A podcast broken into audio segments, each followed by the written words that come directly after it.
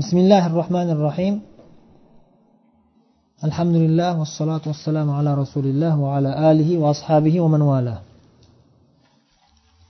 أما بعد رياض الصالحين kitobidan o'qishda davom etamiz yettinchi bobga kelib to'xtagan edik babul yaqini va tavakkul yaqin va tavakkul bobi deyaptilar imom navoiy rahimaulloh yaqin degani to'la ishonch degani.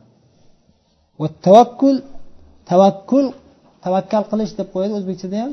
Nima degani desa allohga tayanish allohga ishonib hamma ishlarni allohga topshirish. Sabablarni buyurilgan sabablarni bajargan holda natijalarni allohga topshirishda haligi ba'zi bir adashgan toifalarga o'xshab emas uni tavakkul deyiladi. Hech narsa qilmasdan yotgan joyda man allohga tavakkal qildim deb yotadiganlar ular tavakkul emas bular tavakkul. Bular tekinxo'rlik ya'ni olloh o'zi hamma narsani qilib beraver deb yotish. Demak mana shu bobda imom navoiy rahimaulloh yaqin va tavakkulga taalluqli ba'zi bir oyat karimalar va ba'zi bir hadislarni zikr qiladilar. Yaqin bu poydevor tavakkul bu o'shani natijasi. Yaqini bor odam keyin tavakkul qiladida ya'ni to'la ishongan odam yaqin muqin to'la ishongan odam keyin tavakkul qiladi. Asos to'la ishonch keyin uni natijasi tavakkul. To'la ishongan odam keyin allohga tavakkul qila oladi. To'la ishonmasa tavakkul qilolmaydi alloh taolo aytadiki قالوا هذا ما وعدنا الله ورسوله وصدق الله ورسوله وما زادهم إلا إيمانا وتسليما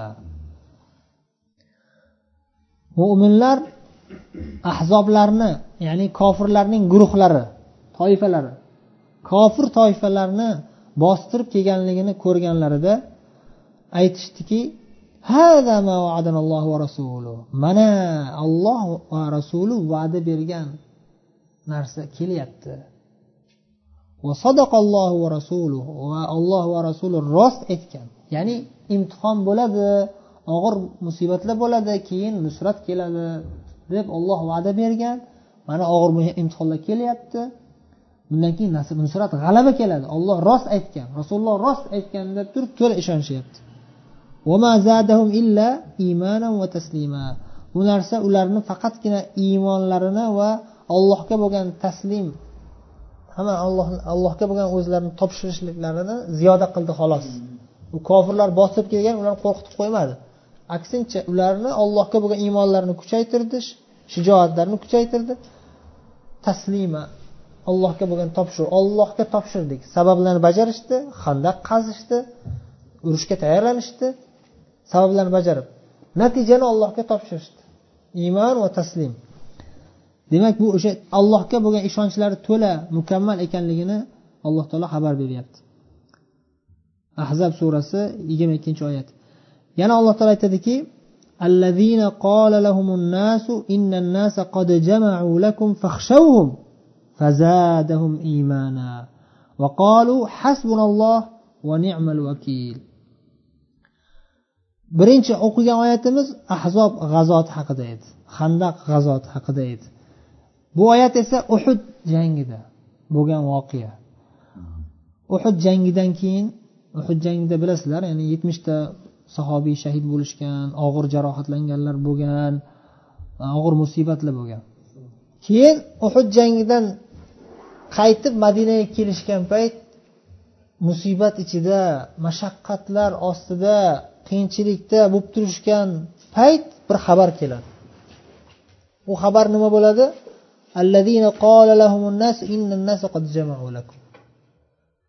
Ba'zi bir arobiylar kelib xabar olib keladiki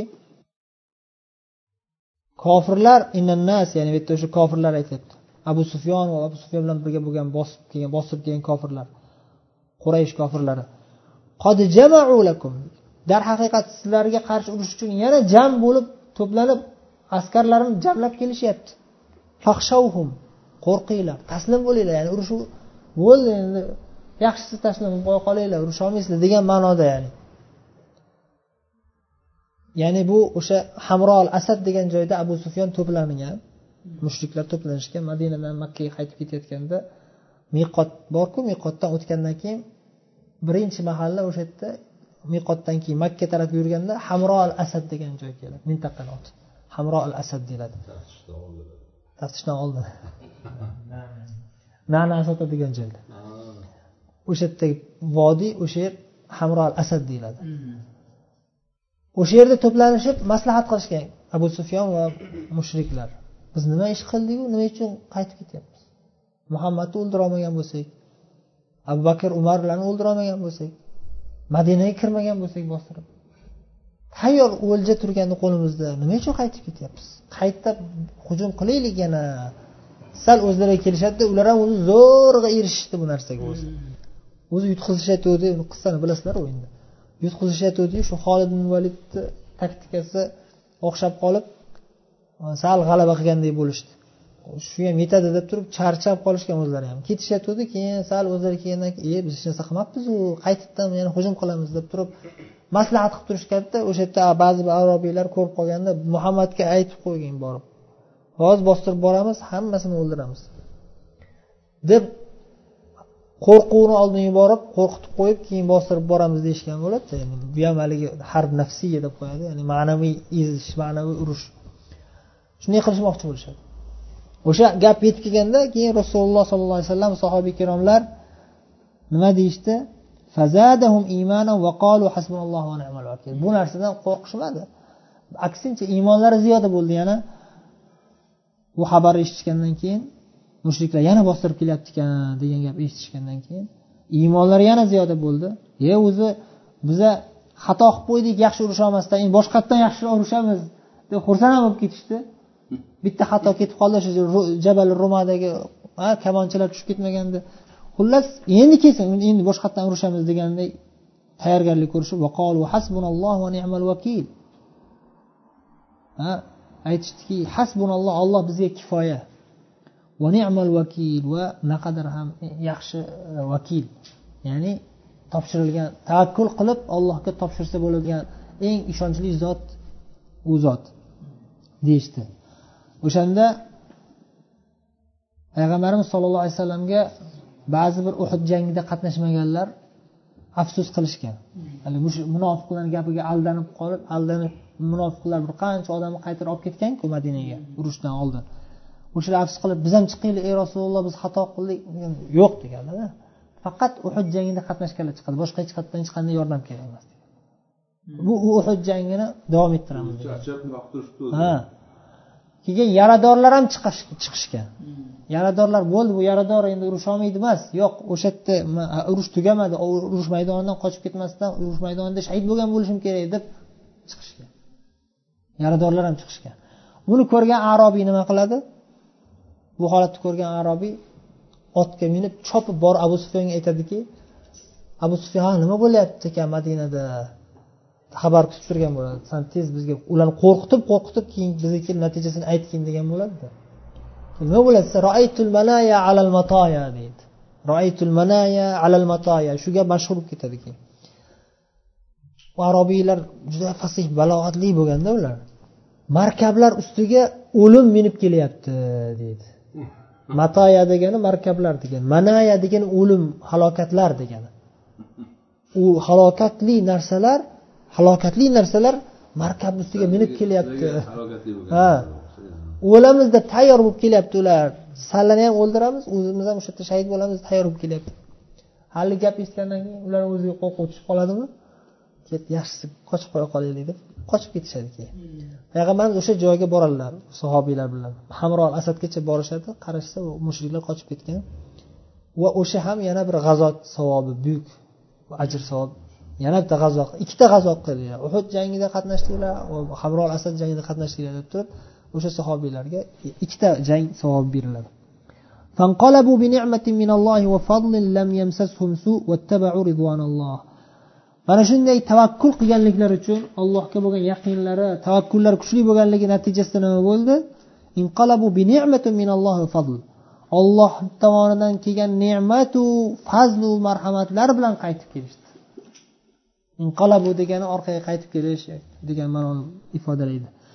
O'sha borib hamrol asadda g'azot savobini olib allohning ne'matlari fazli karamlari bilan buyuk marhamatlarga erishib qaytib kelishdi. Lam su hech qanday yomonlik ularga tegmadi hech qanday yomonlik yetmadi ularga. Ya'ni urush bo'lmadida qochib ketishdi kofirlar.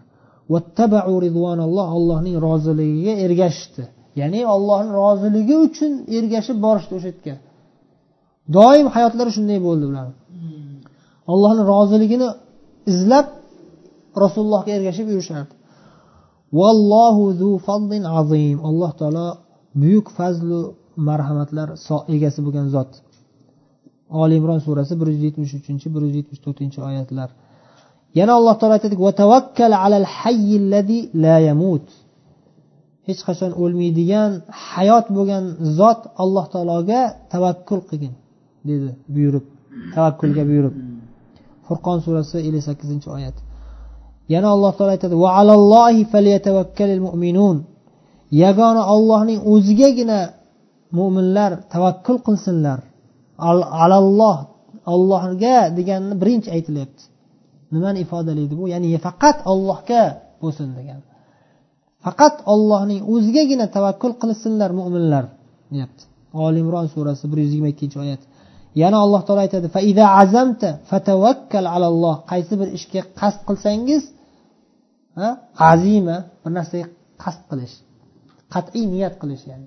Shu bir qaysi bir ishga shu ish to'g'ri ish deb qat'iy niyat qildingizmi? Tavakkul qiling allohga.